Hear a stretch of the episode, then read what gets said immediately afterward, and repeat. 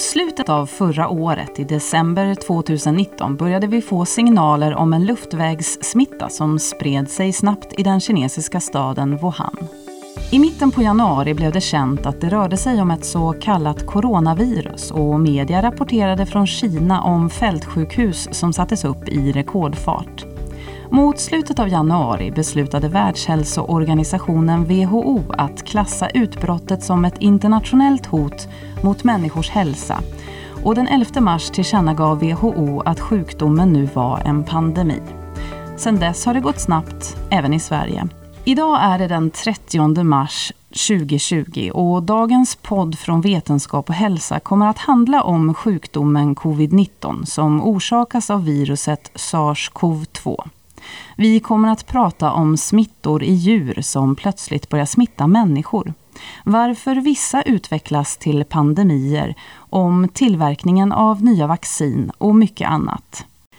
Dagens gäst i studion är Joakim Esbjörnsson Clemens, docent i virologi vid Lunds universitet. Själv heter jag Tove Smeds. Välkommen hit Joakim. Tack så mycket. Om vi hoppar tillbaks dit till december 2019 när rapporterna började komma. Vad, vad tänkte du själv när du hörde talas om det här? Ska jag vara riktigt ärlig så reagerade vi inte så jättekraftigt i början. För att vi, vi ser ju eh, en del zoonos eller överföring av virus ganska ofta från Sydostasien och även andra delar av världen. Och I de allra, allra flesta fall så leder det ju inte till en pandemi. Jag hade nog inte kunnat förutse att det skulle bli så här stort eh, när jag hörde de första rapporterna. Inledningsvis här, det pratas om corona, covid-19 och det pratas om sars-cov-2. Skillnaderna? Eh, om vi börjar med eh, corona så är det ju familjen som sars-cov-1, alltså det som man normalt sett pratar om när man pratar om sars, mers och det här nya sars-cov-2 tillhör. Sen finns det även en del andra coronavirus som man har sett smitta människor. Så det är, det är coronavirus. Och sen så har vi ju det specifika viruset som vi pratar om nu då.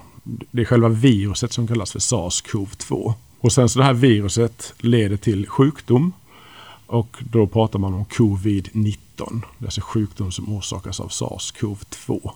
Som en jämförelse kan man dra en parallell till HIV till exempel. Där HIV är själva viruset som orsakar sjukdomstillståndet aids. En hel del tyder på att den här pandemin började på en matmarknad och flera andra epidemier som till exempel svininfluensan, de har också börjat på matmarknader. Varför händer det just där och vad är det som gör dem så smittsamma? Ja, men det är ju egentligen framförallt beroende på att man som människa då kommer nära i kontakt med djur. Eh, och det ökar sannolikheten att viruset förs över från djur till människa.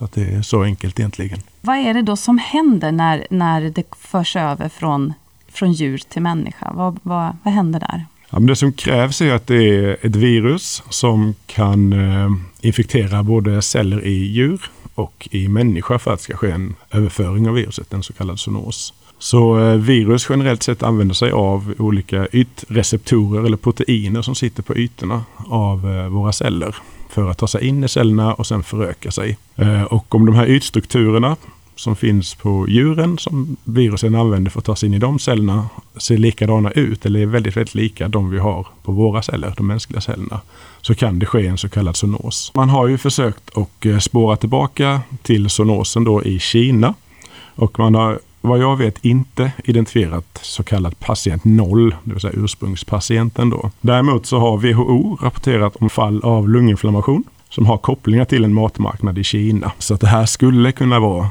eh, det som var starten på den pandemin vi ser idag. Men den exakta zoonosen och exakt hur det gick till och när det gick till, det vet vi inte. Mm. Och när du säger zoonosen, kan du berätta lite bara vad det är för någonting? Ja, då är det just när viruset så att säga hoppa från djur till människa. Så en zoonos är egentligen när en patogen, det kan vara ett virus eller en bakterie, hoppar mellan arter. Eh, och när det gäller eh, SARS-CoV-2 då, så har man sett en koppling till fladdermus framförallt. Så det är den, eh, den varianten av viruset som man har hittat i fladdermus är den som är mest genetiskt lik den variant som vi nu ser cirkulera i människa. Vi har ju haft tidigare utbrott utav sars. Det var ju ett 2003-2004. Hur kommer det sig att det inte blev en sån här pandemi? Också en jättebra fråga. Eh, man brukar prata om så kallat eh, founder effects, det vill säga olika mekanismer som kan se till så att en, en epidemi får fart och sätter igång så att säga. Både när det gäller sars och även mers som fick också ganska så stor lokal spridning. Eh, och man hittade också enstaka fall i andra länder runt om i världen. Så fick det inte riktigt fäste på samma sätt som eh, sars-cov-2 då och vi vet inte exakt varför. Det finns olika teorier om det. Det har kommit lite rapporter nu på slutet eh, och det här är fortfarande lite i sin linda så man ska ta det här med en nypa salt. Fortfarande tycker jag. Men det finns spekulationer om att sars-cov-2 skulle vara mer smittsamt jämfört med sars-cov-1 och mers viruset. Då. Och eh, det man kan sätta i relation till där är att eh, i det tidiga infektionsförloppet så verkar det som att man får högre virusnivåer av sars-cov-2 jämfört med sars-cov-1 och mers.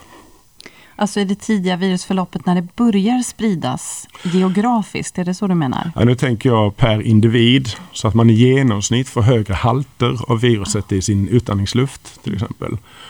Och generellt sett är det så med virus att ju högre halter eller nivåer av virus, antalet viruspartiklar du har, ju mer smittsam är du. Precis, och det kan man ju se också på till exempel vinterkräksjukan, tänker jag, vissa delar, alltså att det sprids Precis. så snabbt. Jag tänker på att man brukar prata så kallade superspridare eller superspreaders som man hör om. Kan du berätta? Eh, ja, men det stämmer. Och eh, så kallat superspreaders då, det är ju helt enkelt individer som eh, smittar väldigt många personer. Och det kan ju vara att eh, en smittad person till exempel som har höga halter av viruset börjar röra sig i stora folksamlingar. Och då ökar sannolikheten att den personen smittar ner många människor samtidigt. Och kan man då koppla alla de här nya fallen så att säga, tillbaka till en och samma person så kan man då definiera den här personen som en så kallad superspreader. Och det är därför det är så viktigt initiellt som man följer smittspridningen också kanske, att man vill kartlägga det och Precis, mm. man vill ju de som är, då vill man identifiera de som är smittade. Så har man en superspreader så vill man ju hitta den så fort som möjligt. Och sen så intervjuar den här personen och tar reda på var personen har varit och vilka personer den här superspreadern har haft kontakt med. För att sen ta kontakt med dem och försöka få stopp på smittspridningen. Eh, så det är ju det man gör oftast tidigt i en epidemi. Då försöker man fokusera på de här så kallade lokala utbrotten. Vet man vad det är som gör att en del blir sådana superspreaders eller är det sånt som vi fortfarande kartlägger? Liksom? Ja, det kan man säga. Det, det, vet man inte exakt varför vissa blir det. Utan eh, jag tror att det är helt och hållet har att göra med om en person råkar träffa många människor helt enkelt under den korta perioden där personen är väldigt, väldigt smittsam. Och det kan vara mer eller mindre slump inblandat i det. Man brukar ju prata om patient noll eh, i Italien. Eh, kan du berätta lite grann om det? Patient noll är ju oftast den individen då som startar en större spridning, kanske en lokal epidemi. Och eh, då var det ju en man, framförallt i Italien här, som man eh, såg att den här personen, väldigt många av de som man upptäckte var smittade av coronaviruset eller sars-cov-2 kunde kopplas till den här mannen. Och då blev han eh, definierad som en så kallad superspreader eller en patient noll. För man, man hittade inga andra fall tidigare än det. Men det kan ju också vara att man har missat vissa fall så att smittkedjan inte är helt komplett. Mm. Det kan vara svårt att, att helt utesluta. Så en hel del dos slump och otur helt enkelt? Som kan ha lett till att det har blivit så stort utbrott i Italien eller? Ja, lite så. Tror jag vad vi känner till idag i alla fall. Mm. Ja, vi har ju inte hela facit, det är ju, det är ju så. Precis. Om vi skulle gå in och prata lite mer om vad är ett virus? Ett virus är vad vi brukar kalla för en obligat parasit. Och det betyder helt enkelt att det är en eh, form av, ja det är inte liv egentligen. Man brukar säga att virus balanserar någonstans mellan eh, liv och eh, sånt som inte lever. Och det innebär helt enkelt att viruset har med sig en arvsmassa som kodar för de proteiner som viruset behöver för att kunna föröka sig. Men det klarar inte av att generera de här proteinerna själv i de allra flesta fall. Utan då kräver det att viruset infekterar en cell av något slag, till exempel en människocell.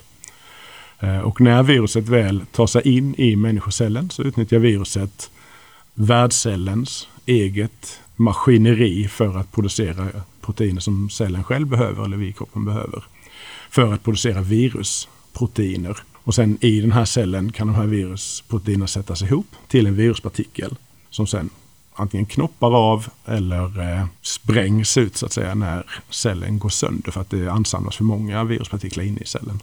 Vad vet vi om SARS-CoV-2 i dagsläget? Men SARS-CoV-2 är ju som eh, alla coronavirus ett så kallat höljeförsett virus, det vill säga att den har med sig en del av värdcellens cellmembran på ytan. Eh, och sen så består arvsmassan av eh, RNA, enkelsträngat RNA. Jag tänker på det här med receptorerna. För man hör ju nu i media att det, här, att det finns teorier kring att anledningen till att det är fler män som smittas och så, att, att det har med receptorer att göra. Kan du reda ut det? Ja, men för att virus ska kunna ta sig in i sina... De är väldigt specifika virus. Så vill de, är det en specifik ytreceptor eller en ytmolekyl som sitter på våra celler. Då alla våra celler i kroppen kan ha olika funktioner. Och den bestäms delvis av vilka proteiner som sitter på ytan på de här cellerna. Och då använder sig viruset av detta för att binda in till en specifik ytreceptor eller ett protein. Eh, och den eh, receptorn receptorn, det proteinet som eh, SARS-CoV-2 binder in till är den som kallas för ACE2. Och den sitter då framförallt på celler i lunga.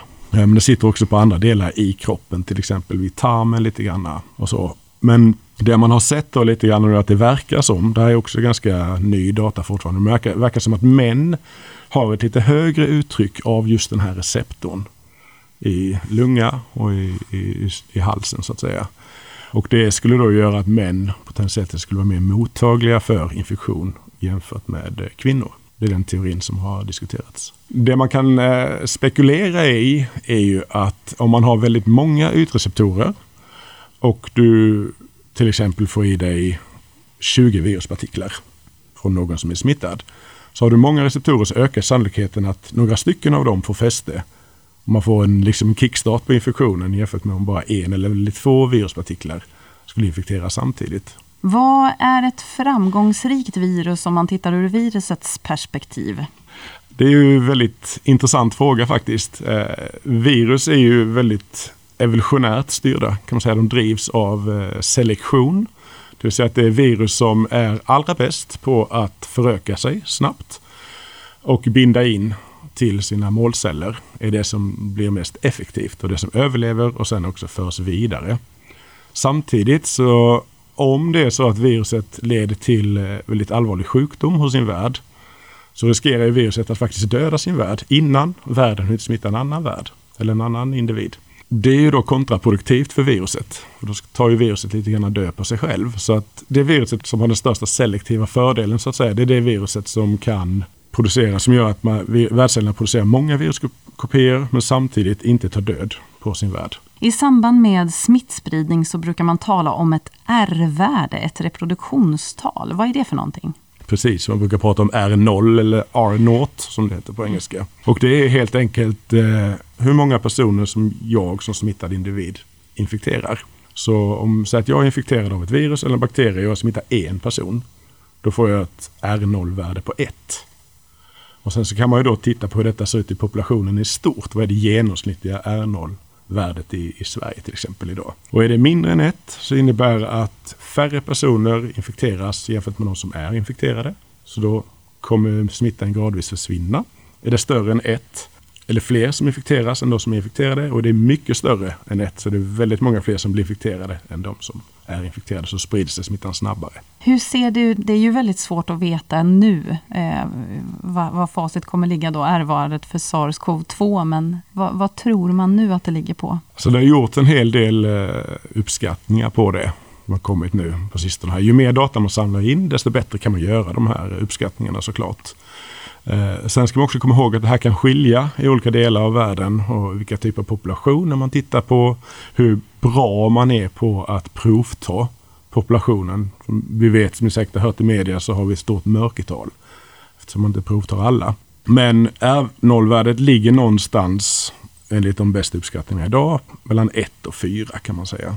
Mm. Och det betyder alltså att det är ganska, som vi ser då, hög smittspridning? Ja, men relativt. Eh, inte, inte enormt hög, men, men relativt. Det är, det är en ökad smittspridning i alla fall. Kan man jämföra de siffrorna med någon annan sjukdom? Eh, ja, absolut. Om man tittar till exempel, om man jämför med mässling till exempel som är ett av de eh, absolut mest smittsamma virusen vi känner till. Så har mässling ett R-värde på ungefär 12 till 18. Så det är en väldigt, väldigt stor skillnad jämfört med eh, SARS-CoV-2. Eh, och sen så kan man ju då, vilket är spännande att göra, kanske göra det lite mer förståeligt koppla det här till det man kallar för flockimmunitet. Som det pratas mycket om just nu. Vi kan prata om flockimmunitet först. Så eh, betyder det ju i princip att en tillräckligt stor andel av befolkningen blir immuna mot en särskild patogen för att de ska bli infekterade och smittsamma. Och då betyder det att om en enskild individ kommer in i en sån population så det är väldigt få personer som kan bli infekterade och sen föra smittan vidare. Så då kommer inte viruset att föras vidare från den personen och då avstannar eh, epidemin. När det gäller mässling till exempel, som har räknat på det här, och då behöver man ha över 90 procent, upp till 95 procent av hela populationen immun för att det här ska fungera. Eftersom det är så väldigt, väldigt smittsamt.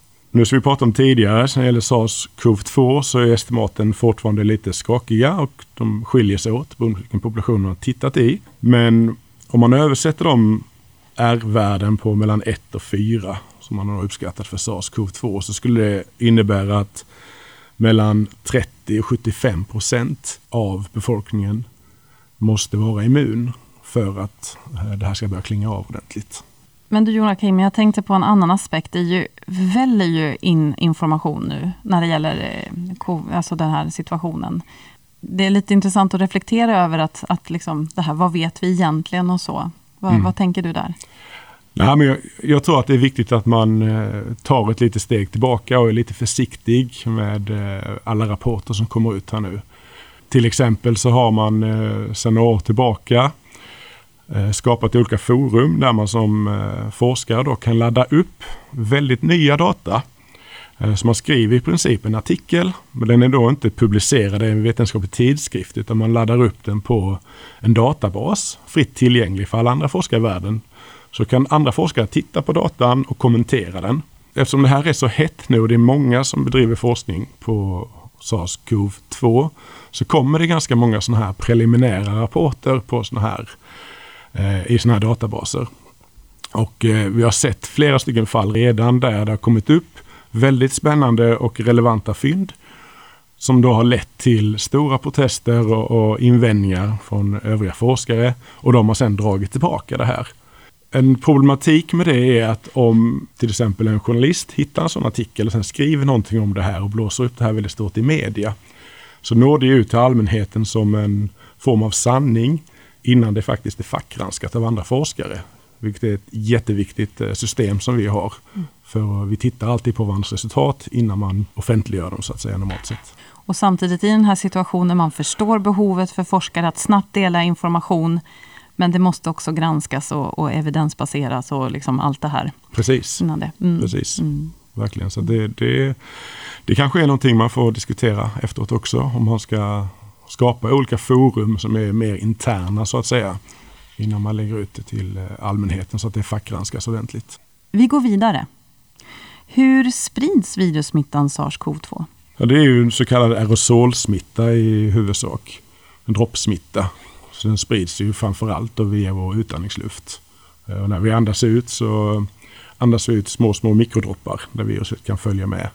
Och, då, och de flyger en kort distans i luften så är man då nära en person så ökar risken att man andas in en sån här droppe och då kan viruset ta sig in i våra luftvägar ner i lungan och orsaka infektion. Jag tänkte vi skulle prata lite grann om immunitet. Eh, vad innebär det?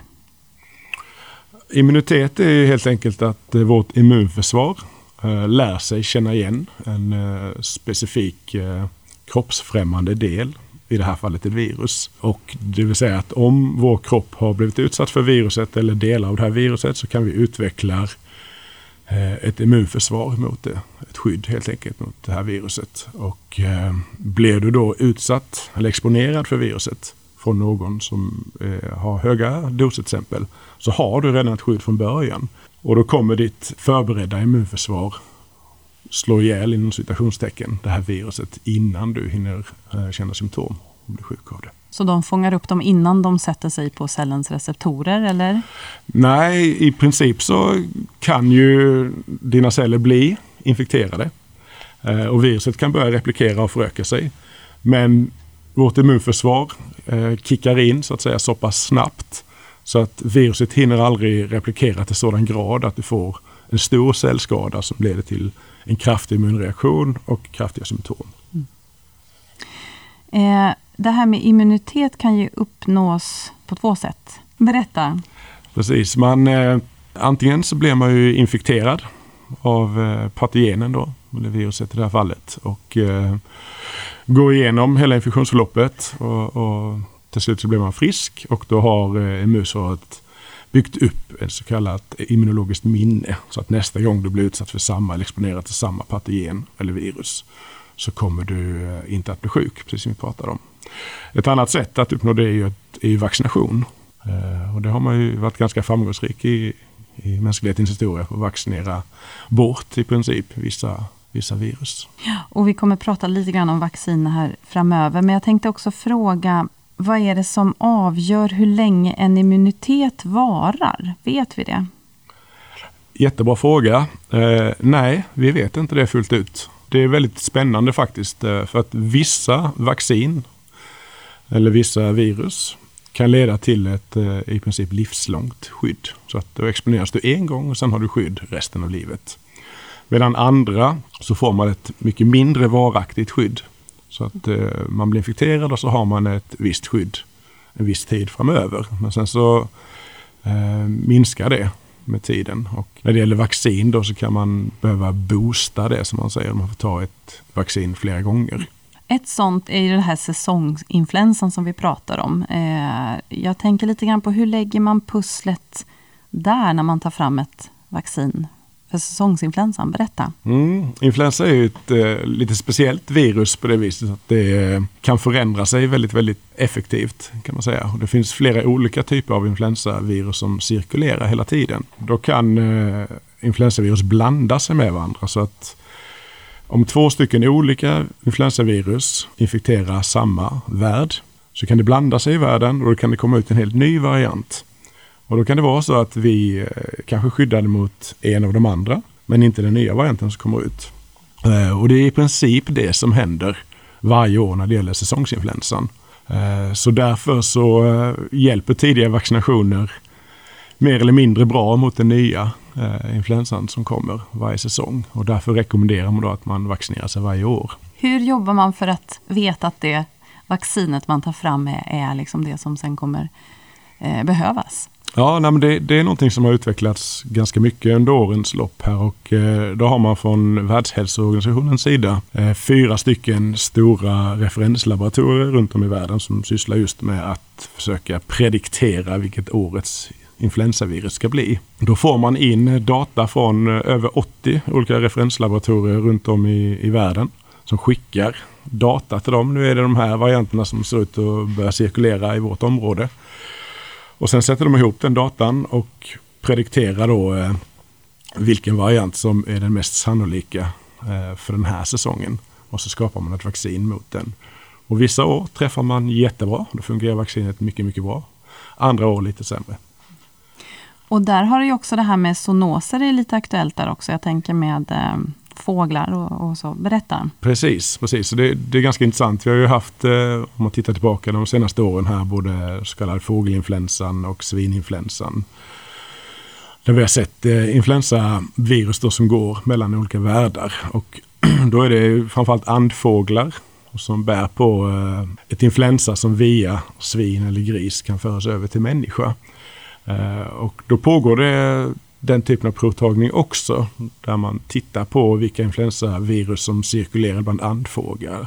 Till exempel i Sibirien. Eh, och då kan de andfåglarna migrera ner till Sydostasien beroende på när det blir kallt uppe i Sibirien. Och ta med sig eh, eh, influensaviruset eh, och sen kan det infektera gris och sen den vägen föras över till människa. Eh, så det är så man tror att eh, svininfluensan till exempel uppstod. Så då kartlägger man lite grann hur de där änderna har Vad de har för virus uppe i Sibirien. Precis, mm. precis. En del av pusslet då som läggs. Ja, men precis. Mm. För att undvika en ny svininfluensa. Mm. Intressant. Tillbaks till immunitet. Vad vet man om immunitet mot SARS-CoV-2? Inte så jättemycket egentligen, eh, mer än om man jämför med det man kände till tidigare om hur virus orsakar immunitet. Det som man har sett lite nu på sistone som kan, kan vara lite intressant är att det är en viss korsneutralisation från eh, SARS 1 då, eller SARS vad betyder det, korsneutralisation? Ja, det betyder helt enkelt att om du har varit infekterad med SARS-CoV-1 och så tar du de antikropparna som har bildats mot det viruset och ser hur väl de fungerar eller neutraliserar då, slår ihjäl inom citationstecken SARS-CoV-2. Mm. Så har man sett att de här antikropparna binder till viss del även mot SARS-CoV-2. Så det finns en viss korsneutralisation där då, eh, eller korsreaktivitet. Och det kan vara viktigt att veta när det gäller eh, framtagande av nya vacciner nu mot SARS-CoV-2. Ja, för det jobbas ju för fullt med att ta fram sådana. Eh, men man brukar tala om olika variationer av vaccin. Kan du, kan du berätta om de här? Vad, vad finns det för typer? Ja men absolut, man eh, använder flera olika strategier. Eh, I grunden går det ju ut på att eh, man vill att det det mänskliga immunförsvaret ska exponeras för proteiner som finns hos viruset. För att lära sig att känna igen det och sen vara förberett när man blir infekterad av det riktiga viruset så att säga. Och det kan man då uppnå på flera olika sätt. Det traditionellt kanske vanligaste sättet är att man, eh, man avdödar virus. Eh, så det vill säga att behåller man proteinstrukturerna som finns på viruset men viruset är icke infektiöst, infekterar inte dig. Eh, och så sprut, injicerar man det helt enkelt och så låter man immunförsvaret reagera på det. En annan variant är att man har eh, virusvarianter som är försvagade. Så de är fortfarande levande inom citationstecken. De kan fortfarande replikera till viss del men de är inte särskilt patogena. De orsakar inte sjukdom så effektivt. Och sen så har man eh, de senaste åren också börjat använda sig mer och mer av så kallade DNA-vaccin. Och det är i princip att man eh, injicerar eh, arvsmassa, DNA, i form av, eh, de är cirkulära, man kallar dem för plasmider. Och gör man det så kan man då få de mänskliga cellerna att uttrycka proteiner som är viruslika. Och sen så reagerar immunförsvaret på dem. Men helt enkelt att vässa immunförsvaret? Ja. Jo, det är ju en, en, det är ju lite en utmaning och svårare att framställa läkemedel mot virus än mot till exempel bakterier. Varför är det så? I grunden är det beroende på att virus är eh, det som vi pratade om tidigare, så kallade obligata parasiter. Det vill säga att de infekterar våra värdceller. Och eh, det gör att om man tittar på en viruspartikel så är det ganska få virusspecifika proteiner som man kan attackera. Och det är också så att viruset interagerar med kroppens egna proteiner. Så skulle du göra ett läkemedel mot de proteiner som finns hos viruset så är det väldigt stor risk att du också kommer att hämma ett kroppseget protein som har samma funktion för att integrera med den receptorn som viruset interagerar med. Mm. Så kan du få en massa bieffekter på grund av det. Så det gör att virus är lite extra klurigt. Eh, om man jämför med till exempel bakterier så eh, har ju många bakterier en så kallad cellvägg som är väldigt specifik för bakterier där antibiotika kan verka då. Och den, den typen av struktur finns inte i, hos människa. Attackerar du den och bryter upp cellväggen hos bakterierna så blir den bakteriespecifik. Eh, och den fungerar också på väldigt många olika typer av bakterier. Så det gäller att hitta sätt som skadar viruset men inte oss? Precis, så mm. där, där behövs det väldigt mycket mer forskning. Det är ett eh, område som eh, tyvärr är lite underforskat skulle jag säga. Vad, vad tror du om framtiden? Vad säger du när folk frågar dig om pandemin? Jag eh, har inget eh, svar på det precis som Folkhälsomyndigheten och alla andra inte heller kan ge ett bra svar på det idag. Men om man ska spekulera så tror jag som många andra också att det här kommer att gå ner lite grann till sommar nu.